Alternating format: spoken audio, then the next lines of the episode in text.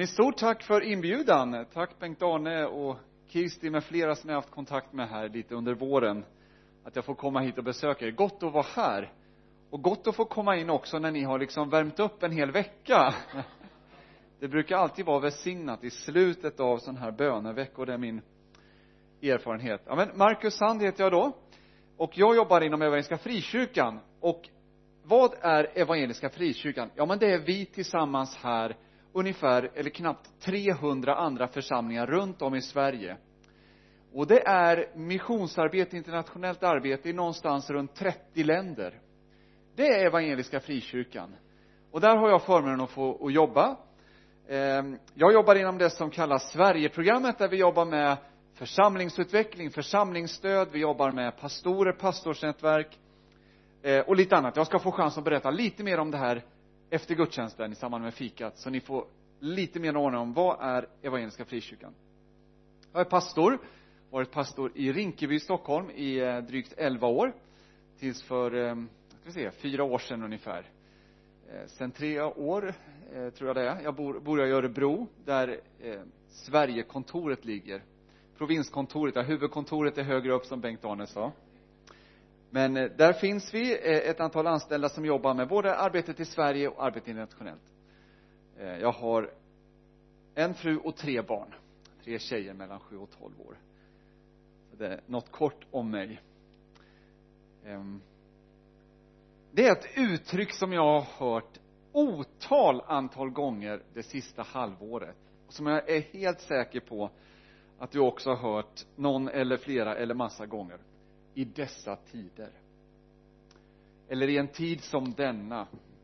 Alltså utifrån att vi är fortfarande, tror vi, mitt i en pandemi. Vi ser inte slutet än av den här coronapandemin. Och alla påverkas vi, vågar jag säga. Ingen är oberörd. Och det blir att de här, det är så speciellt och det är någonting vi går igenom, och inte bara vi här, inte bara Vänersborg, Sverige, utan över hela världen så påverkas vi. Och det blir något sätt att säga att, ja men i dessa tider, ja, vi vet. Vi vet. Och samtidigt som jag har hört här uttrycket hur många gånger som helst, och jag är hjärtligt trött på coronapandemin, så är det ändå som att när vi möts, det går inte att sluta prata om det. Det påverkar oss, och det händer nya saker, och vi lever med effekterna av det som har varit, med som det är just nu och med ovissheten om vad som händer imorgon, om tre månader och så vidare. Och det är ganska jobbigt. Det är mycket som är jobbigt. En del går bra. Ehm, men det är mycket som är jobbigt. Det är oerhört tungt att 6 000 personer nästan har dött i Sverige. En miljon över världen i den här sjukdomen. Om vi skulle räkna in hur många som har drabbats indirekt som har slungats ut i fattigdom. Och alla som har bara varit sjuka men har klarat livhanken. Men så inser jag att det har varit det är oerhört många som har påverkats. Jag blev lite missmodig i veckan. Jag hade hoppats att den här 50-gränsen hur många vi får samla skulle höjas till 500 det blev inte då. Jag hade gjort det lättare för många församlingar runt om i Sverige att få mötas lite fler men smittspridningen ökar och vi får hålla igen. Vi måste fortsätta vara noggranna och så vidare. Och ibland så är det små grejer som är lite jobbiga och störande. Jag kan ju erkänna att jag varit ganska irriterad i veckan på en väldigt liten sak. På skolan där två av mina barn går, de går i ettan och fyran så får de inte byta om innan idrotten utan de får gå i gympakläder hela dagen och det är mer än en gång det där har lett till lite bråk på morgonen. Där jag det passar inte att ha vilka kläder som helst de ska vara ute, det är blött och de ska springa och gympa och hoppa. Så jag liksom får ibland eh, verkligen vara bestämd och säga men du får ta de här kläderna. Och i tisdag så var det som det det brast lite. Och jag skrev ett vänligt men bestämt mejl till rektorn. Och ifrågasatte detta. Eh, jag fick svar sen att de hade pratat skolsköterskan och rektorn, de står fast vid det här, jag förstår inte varför. De trängs i, i matsal och i klassrummen, ja, men inte i omklädningsrummet, där ska de inte vara. Jag förstår inte. Eh, ja men ni hör, vi blir drabbade på så många olika sätt och som församlingar är det här också speciellt och jag tänker att även att vi befinner oss i Sverige eh, där vi inte har någon erfarenhet av öken egentligen så så tänker jag att en del av er kommer från länder där det kanske är lite varmare. Eh, en del av er läste i bibeln där det finns en hel del berättelser om när Guds folk är i öknen. Och jag tänker att det här är lite en sån tid. En ökentid. För vad händer i öknen? Ja men du fråntas ganska mycket av det du är van vid. Det händer ju i vår tid. Vår frihet begränsas. Hur många vi kan samlas. Och, och ni som är över 70 har fått er frihet kraftigt begränsad. Det är tufft. Vi kan inte göra som vi vill.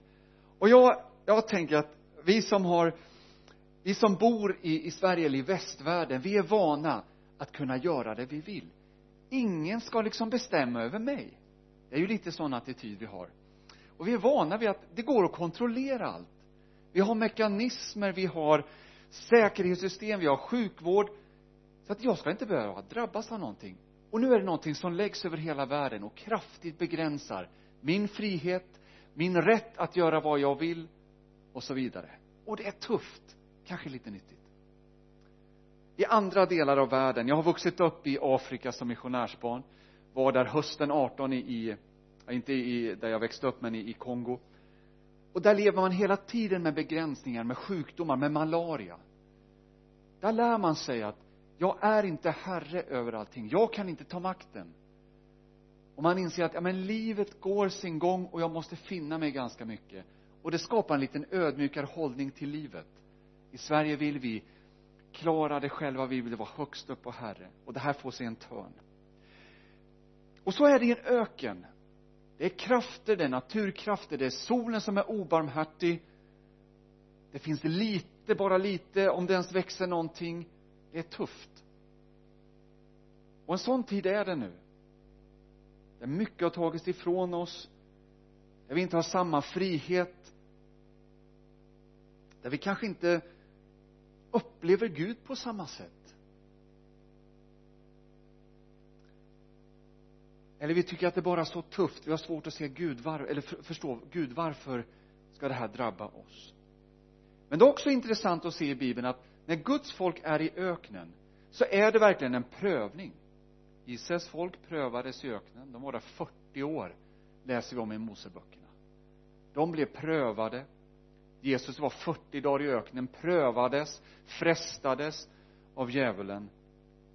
Men det var inte bara det det var också en tid när Gud verkade när Gud talade och när Gud förberedde för det som skulle komma sen.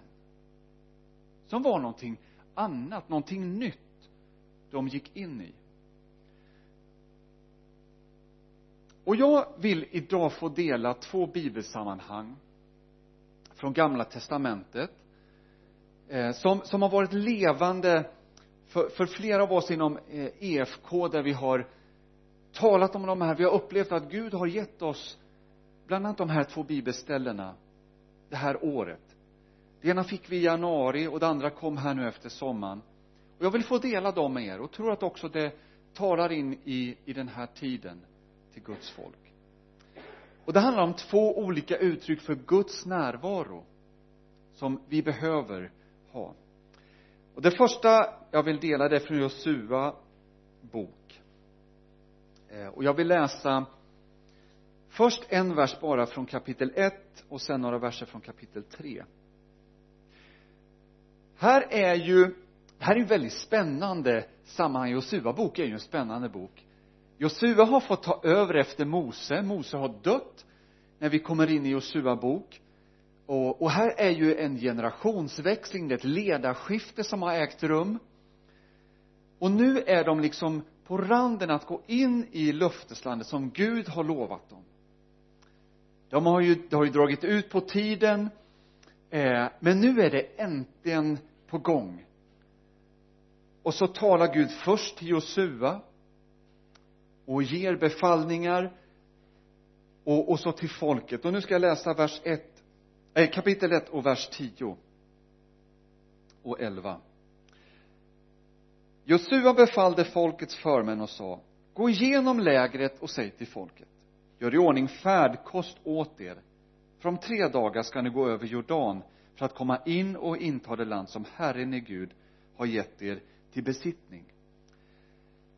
Och så fortsätter det med lite instruktioner och lite som händer och så hoppar vi till kapitel 3 jag ska läsa vers 1 till 6 tidigt nästa morgon bröt Josua och alla Israels barn upp från Kittim och kom till Jordan. Där stannade de över natten innan de gick över. Men efter tre dagar gick förmännen genom lägret och befallde folket och sa så snart ni får se Herren er Guds förbundsark och de levitiska prästerna som bär den ska också ni bryta upp från er plats och följa efter den. Men låt det vara ett avstånd på omkring 2000 alnar mellan den och er kom inte nära den. Här ska jag bara säga, här står det faktiskt i, i flera andra bibelöversättningar följ arken så att ni vet vilken väg ni ska gå eftersom ni inte har gått den vägen förut. Och Josua sa till folket helga er för imorgon ska Herren göra under bland er. Därefter sa Josua till prästerna ta förbundsarken och gå framför folket. Då lyfte de upp förbundsarken och gick framför folket. Nu är de verkligen på väg. De ska bryta upp, de ska gå in. De har anat, de har hört om löfteslandet. Det har varit spejare där och nu är de nära. Men det är tydligt här att det är ju okänd mark. De har inte gått den här vägen förut. Hur ska de hitta? Hur ska de veta vilken väg de ska gå? Men några tilltal, några saker jag vill lyfta upp utifrån det här bibelstället. Och det här är också utifrån att vi står inför väldigt okänd mark. Eh, jag har suttit i många och sitter i olika sammanhang där vi ska planera för saker. Vi har en medarbetarkonferens där pastorer och medarbetare inom evangeliska frikyrkan möts varje år i november. Och jag sitter med och planerar för den här. Och jag vet inte hur många gånger vi har planerat. Hur gör vi? Hur många platser ska vi vara på? Kan vi vara kommer vi kunna vara på en plats? Det är svårt. Jag satt, hade en, en samling med också våra regionledare som ansvarar för vårt internationella arbete i, bör, i, i um, augusti, september någon gång. Och de vill ju veta när släpper det här? När kan vi åka ut och besöka? Våra partner, våra missionärer de, det, det, det arbete vi bedriver det finns en sån frustration. Vi vet inte. Vad händer? Blir det bättre? Blir det värre? Ja men det är okänd mark och hur gör vi då? Här finns ju ett tilltal om att förbereda sig. Det vi läste i kapitel 1 var att de skulle gå runt och säga åt folket gör i ordning färdkost åt er. En väldigt praktisk instruktion. Se till att ni är praktiskt förberedda. Ni kommer behöva gå en sträcka. Men det finns också en annan instruktion och det är att de ska helga sig för imorgon ska Herren göra under. Alltså vi behöver vara förberedda på att när Gud kallar men då ska vi vara redo. Det kan handla om praktiska saker som Gud vill tala till oss om. Det kan handla om eller det gör det ju alltid att vi ska helga oss alltså göra oss redo inför Gud. Hur är det med mitt hjärta? Har jag saker som håller tillbaka mig? Eller jag är redo att gå när Gud kallar. Vad talar Gud till oss när det gäller att, hur vi ska förbereda oss? Vi vet inte hur det ser ut nästa år. Men Gud kan förbereda oss så att när det öppnas någonting eller någonting stängs så är vi redo och hittar andra vägar det är också intressant här apropå att det här var en ny tid de gick in i. När de var i öknen de här 40 åren när Mose ledde dem så visade Gud dem vägen. På dagen var den som en pelare, en, en molnstod eller en pelare av moln och på natten en pelare av eld. Det hör vi ingenting om här. Nu är det på ett annat sätt Gud vill leda dem. De har förbundsarken med sig där lagens tavlor stod platsen för Guds närvaro den där Gud vill göra sig känd står det i eh, ja, någon av Moseböckerna, jag har glömt vilken. Just om arken. Och det var levitiska präster som skulle bära den här med stänger. Och där vill Gud leda dem på ett annat sätt. De behövde ändra sätt att tänka, sätt att följa det var inte längre moln och eldpelaren utan nu skulle levitiska prästerna gå med arken. De skulle följa på ett annat sätt. De skulle inte längre äta mannat som Gud gav dem från himlen. När de gick in i det nya landet skulle de äta av landets frukt. Ett land som flödar av mjölk och honung. Det var säkert rikt.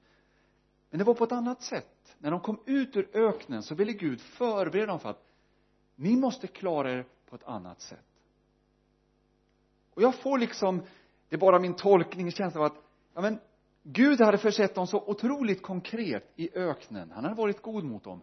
Nu skulle de själva ta ansvar. De skulle hitta frukten. De levitiska prästerna skulle leda och Gud skulle vara där och leda. Eh, och, ja, och hjälpa. Och det är två tilltal de har kommit till Josua i kapitel 1 när de får instruktioner för framtiden de ska bryta upp. De skulle inte vara kvar i öknen. Det är klart de hade varit där 40 år. Där hade fötts barn. Där hade del blivit gamla. Man hade skapat vanor och traditioner som funkade bra i öknen. Men tilltalet nu när de ska gå in i framtiden, in i det okända och in i det Gud hade lovat var bryt upp alltså lev inte kvar i öknen. Lev inte kvar på samma sätt. Ni måste bryta upp. Och det blir väl väldigt tydligt att, att det var faktiskt en generation som dog i öknen och en ny generation nu skulle få gå in i löfteslandet. Det var det ena tilltalet. Det andra håll fast. Visst är det intressant? Bryt upp och håll fast låter som motsägelser. Men det är inte det det de skulle hålla fast vid det var den undervisning de hade fått genom Mose. Det var inte något som bara var för öknen. Det var för Guds folk det var för nutiden och det var för framtiden. Och de skulle inte vika av från den. De skulle hålla fast. Och här tänker jag att vi som Guds folk behöver se vad är det vi ska bryta upp från i en ny tid? Och vad ska vi hålla fast vid? Det är självklart ska vi hålla fast vid Guds ord. Och här kan vi behöva lite urskiljning. För ibland kan vi också hålla fast vid vid saker som vi säger är Guds ord men som egentligen är bara våran kultur.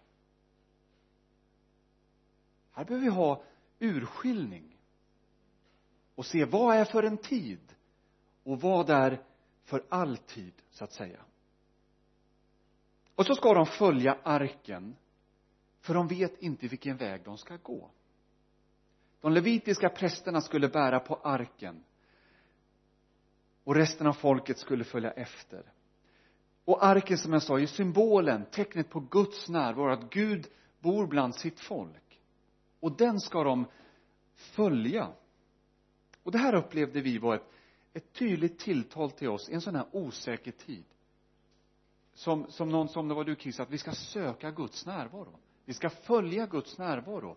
Vi behöver ta tid och så gott att komma in i en bönevecka där det är just det ni har gjort. För en sak kan jag ju säga har hänt eller har jag sett när jag pratar med pastorer och, och olika församlingar. När vi var tvungna att stänga ner i alla fall de gudstjänster som hade mer än 50 deltagare hitta nya vägar så har varit en febril aktivitet. Och vi diskuterar och funderar hur gör vi? Och haft samtal och pastorer har samtalat med varandra och mejlat. Hur gör vi? Hur tänker du kring det? Vad tror vi om det här? Och det är lite olika råd i olika regioner vad exakt som gäller och inte. Och hur man tolkar den här 50-gränsen och så. Och i, i detta som, det är klart vi måste hitta vägar så får vi inte glömma att söka Guds närvaro, att följa arken. Så att det inte bara blir vår egen aktivitet och vår egna sätt att försöka lösa det. För jag tänker gång på gång ser vi i bibeln hur människan försöker lösa saker på egna sätt. Och det faller ofta så platt. Men Gud vill komma med sina lösningar och sin öppning. I Sverigeprogrammet är vi en sju, åtta eh, medarbetare.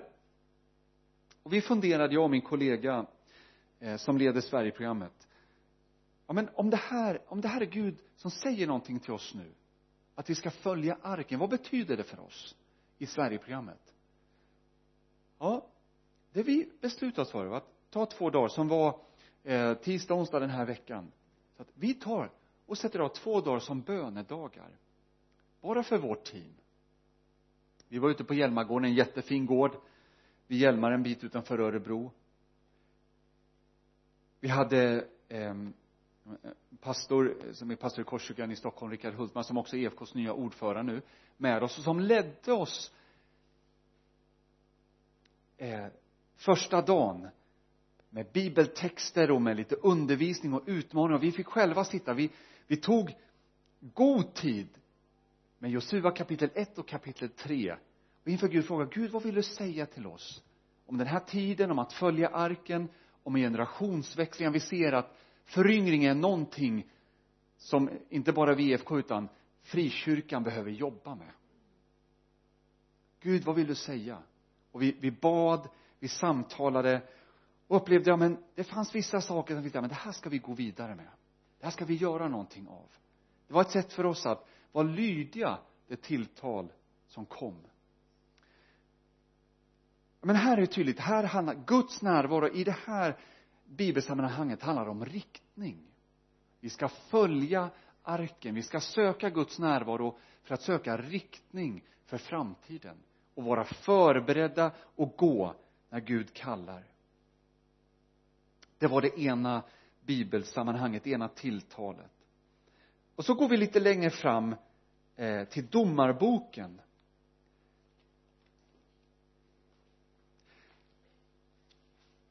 Bara apropå generationsväxlingar kan man ju säga att växlingen mellan Mose och Josua gick väldigt bra. Därefter så gick det sällan bra. Och när Josua växlade över så blev det inte så bra. Det kommer olika domare och en av dem är Gideon och tack och lov han gjorde han följde Herren vi ska läsa från domarboken kapitel 6 och några verser där men här har det varit tider när Israel har avfallit. De har inte hållit fast utan de har vikit av. De har inte hållit fast vid undervisningen vid, vid lagen vid det som Mose gav dem och som fördes vidare genom Josua. De har vikit av de har tillbett avgudar. Och när vi kommer in i kapitel 6 så är det ett, ett grannfolk, midjaniterna Herren har gett dem i midjaniterna, Israels folk i midjaniternas hand och de är hårt pressade. Midjaniterna är eh, grymma. De pressar upp dem i bergen, de gömmer sig i hålor och grottor. De skövlar och bränner deras åkrar, Israels barns åkrar. Och så ska vi läsa några verser nu, kapitel 6 och vers 6 så blev Israel utarmat genom midjaniterna och Israels barn ropade till Herren. När Israels barn ropade till Herren för midjaniternas skull sände Herren en profet till Israels barn som sa till dem så säger Herren, Israels Gud jag har fört er upp ur Egypten och hämtat er ut ur träldomshuset. Jag har räddat er från egyptiernas hand och från alla era förtryckares hand. Jag drev bort dem framför er och gav er deras land. Och jag sa till er jag är Herren i Gud. Ni ska inte frukta de gudar som dyrkas av amoreerna i vilkas land ni bor men ni lyssnade inte till min röst. Herrens ängel kom och satte sig under terebinten vid Offra som tillhörde abisriten Joash. Denne son Gideon höll på att klappa ut vete i vinpressen för att gömma det för midjaniterna. För honom uppenbarade sig Herrens ängel och sa till honom Herren är med dig du tappre stridsman. Gideon svarade honom Åh min herre. Om Herren är med oss varför har då allt detta drabbat oss? Och var är alla hans under som våra fäder har berättat om och sagt se har inte Herren fört oss upp ur Egypten? Nu har Herren övergett oss och gett oss i midjaniternas hand. Då vände Herren sig till honom och sa gå i denna din kraft och fräls Israel ur midjaniternas våld se jag har sänt dig. Han svarade honom o herre hur ska jag kunna rädda Israel?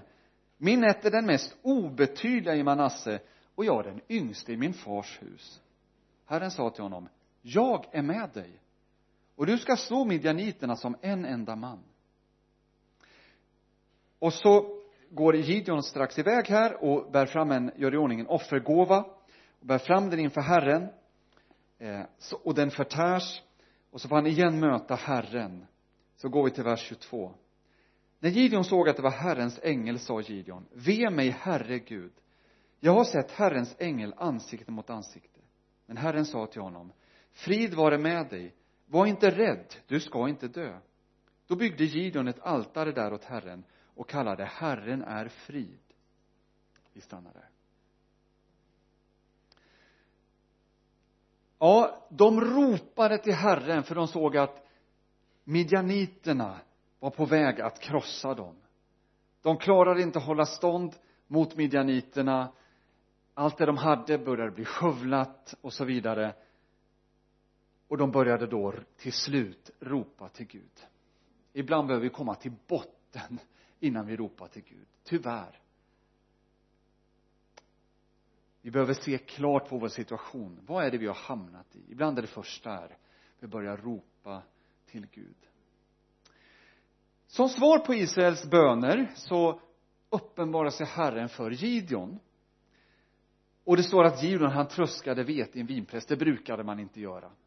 Men, men Gideon var ju rädd. Han ville försöka gömma det han kunde få av vetet gömma det för midjaniterna.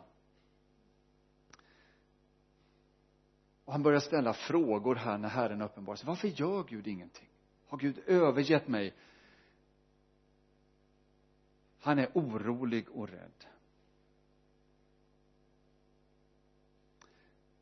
Och så kommer Herren med ett tilltal som är så främmande och så långt bort från det som Gideon själv kände eller den bild han hade av sig själv. Du tappre stridsman. Och Gideon går ju på något sätt i diskussion här med, med Herrens ängel det är lite intressant, men nej, vad säger du? Nej, det kan du inte mena. Jag? Jag är den minste, obetydlig. Och jag vet inte var han fick den här bilden från. Var det så man talade om i hans släkt? Vi är de minsta. Vi betyder inte så mycket. De andra släkterna, de här tolv släkterna, de är större. Eller de andra elva ge de minsta och jag vet inte vad han hade för bild av sig själv. Men någonstans så hade han ju en bild av att nej men om Gud gör, ska göra någonting så är det absolut inte genom mig eller genom vår släkt. Nej. Finns de andra som är bättre lämpade. En sak får vi ge Gideon. Han var åtminstone ärlig med hur han kände. Återigen det är en ganska bra botten att börja på att vara ärlig. Du kanske inte känner dig som en tapper stridsman. Du kanske inte vågar tro när Gud talar till dig men börja i alla fall och säg som du själv känner där du är. Och så börjar han som sagt fråga men Gud varför är det så här? Varför är vi pressade? Har du övergett oss?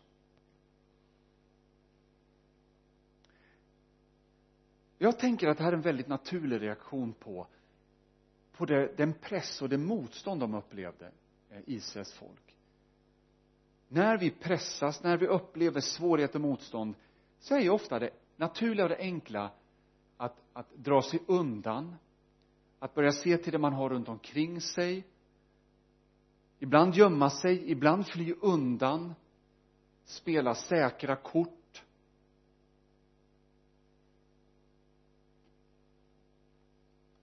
ibland är det någonting som vi blir tvingade till. Vi upplever att vi är motarbetade och pressade mot väggen.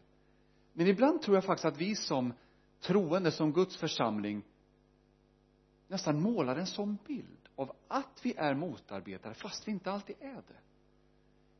Ibland kan det vara sant men ibland är det också en, en berättelse vi har om hur det är som gör att vi drar oss undan och isolerar oss som inte hjälper oss det är klart att som, som kyrkor och som kristna har vi inte samma plats i samhället som för hundra år sedan. Det är sekulariserat land vi bor i. Det är inte så många myndigheter som frågar efter kyrkan. Men ibland så målar vi en sån bild som inte hjälper oss. Jag tror att Gud vill ge oss mod och befria oss från en självbild som håller oss tillbaka. Gud ser någonting annat när han möter Gideon. Och jag har fått utmanas tänker jag det här sista halvåret eller under corona att inte låta mitt perspektiv krympa. Jag gör en hel del sådana här resor och församlingsbesök möter pastorer och församlingar runt om i Sverige. Och när corona bröt ut på allvar i Sverige så skars ju allting sånt bort. Allting eh, vi reste inte inga församlingsbesök och jag kände att jag levde mitt liv genom den här 13 tums skärmen eh, jag satt i digitala möten, jag försökte hålla kontakt. Men det var också som att mitt perspektiv blev 13 tum när det ska vara så mycket större. När vi ska kunna se längre som ledare inte minst är vi kallade att se längre. Och så vart det 13 tum det är lätt att vårt perspektiv krymper i en tid som den här och Gud vill tala till oss ändå och få oss att lyfta blicken. Vad gör Gud? Vilka resurser finns tillgängliga? Vad vill Gud leda oss in i trots allt det svåra som händer? Jag var med eh, och ledde här nu fredag, lördag en, en process. Vi har med nio församlingar i Närke som heter växande församlingar vi har en eh, under två års tid så, och så möts man en gång per, tim, eh, per termin med församlingsmedlemmarna. Eh, församlingsledningen, förlåt. Och en sån träff hade vi nu fredag, lördag. Och då började det på fredagskvällen med att församlingen får berätta sitt nuläge. Vad har hänt sen sist vi möttes? Vad firar vi, vad sörjer vi? Och jag blev positivt överraskad hur mycket det fanns att fira. Många goda rapporter. Det var inte bara missmod ja, vi behöver lyfta blicken.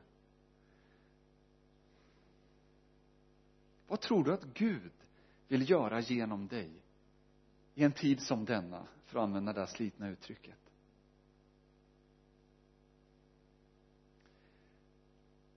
Och Gideon han har ju sina frågor. Han köper inte riktigt det Gud säger direkt. Varför har det här hänt oss? Var är alla dina under? Och så tycker jag det är väldigt intressant att se vad Gud svarar eller hur Gud svarar. För han svarar ju inte rakt av på Gideons frågor. Det svar Gideon får det tilltal. Det är gå i denna din kraft och fräls Israel ur midjaniternas våld, till jag har sänt dig. Gideon vill ha svar på frågan om varför. Och det svar han får är gå gå i denna din kraft. Jag har sänt dig. Jag är med dig. Gud talar till oss i den här tiden om ett uppdrag. Och där måste man ju säga att det uppdrag Gideon får är ju alldeles för stort. Han som var den minsta och obetydlig midjaniten som var ett stort folk och säger du ska frälsa Israel ur midjaniternas våld du ska slå midjaniten som om de vore en enda man. Jag undrar om Gideon skrattade eller bara tog sig för pannan. Vet du vad uppdraget är alltid för stort? Det är alltid för stort. För det ska också vara tydligt att det hänger inte på din och min styrka eller vår skicklighet eller intelligens. Ytterst sett så hänger det på Gud. Det är hans mission, det är hans uppdrag vi får kliva in i.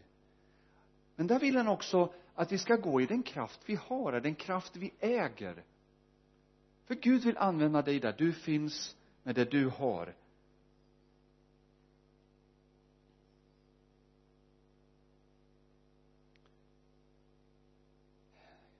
Vi får göra det vi kan och så gör Gud resten. Och än idag handlar vårt uppdrag om befrielse. Från förtryck idag är det inte midjaniterna det heter namnet på förtrycket, på makterna är annorlunda idag. Men evangeliet handlar om befrielse för de som är fångna under makter förtryckta.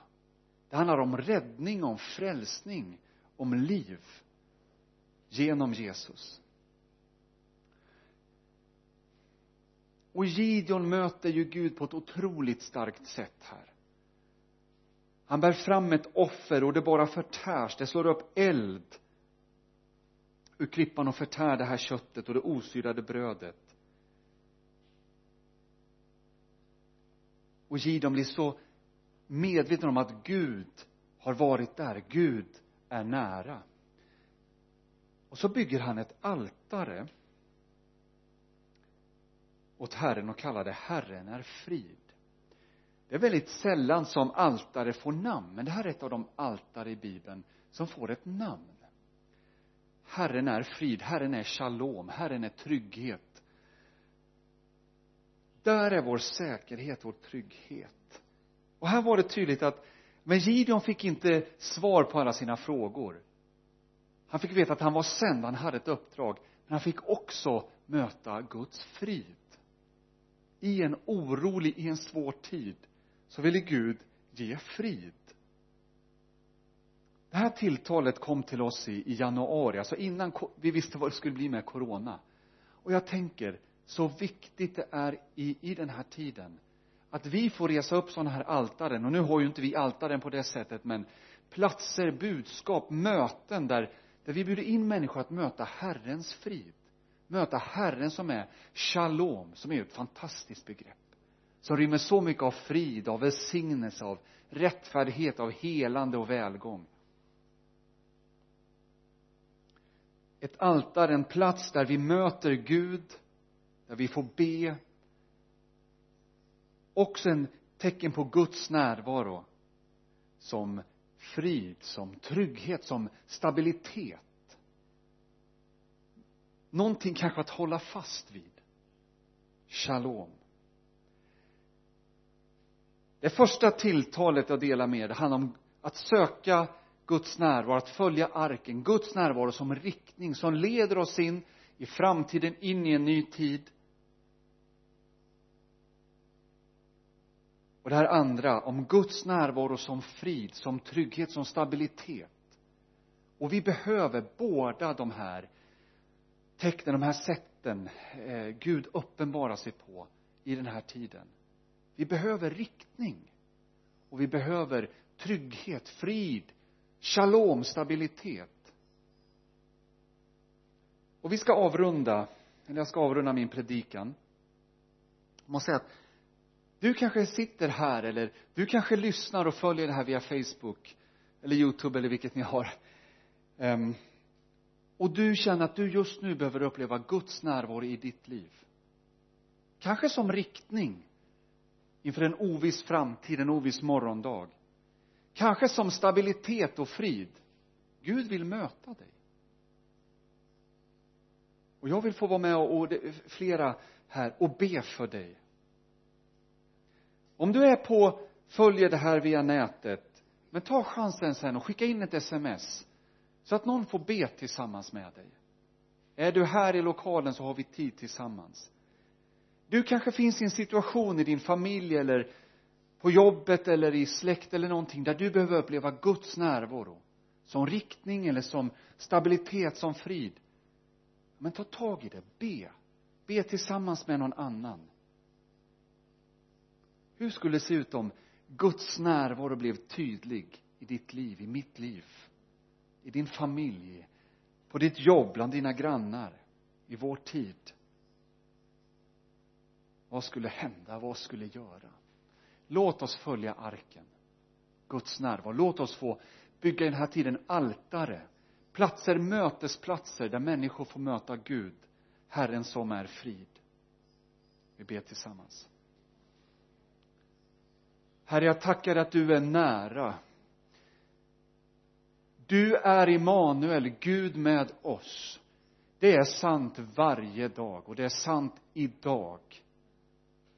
Du är inte långt borta från någon enda av oss.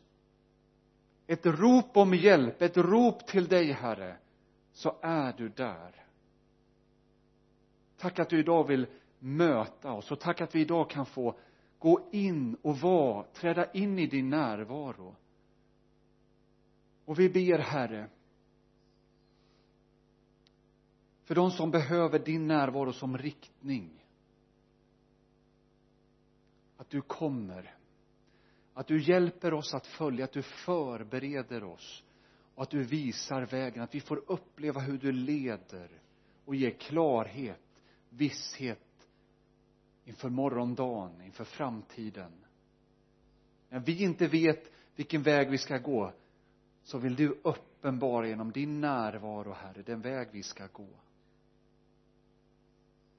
Herre, för den som upplever att tillvaron skakar, att det är ovisst, att det är svårt, man känner kanske förtryck, så be att du ska uppenbara dig som Herren är shalom, Herren är frid.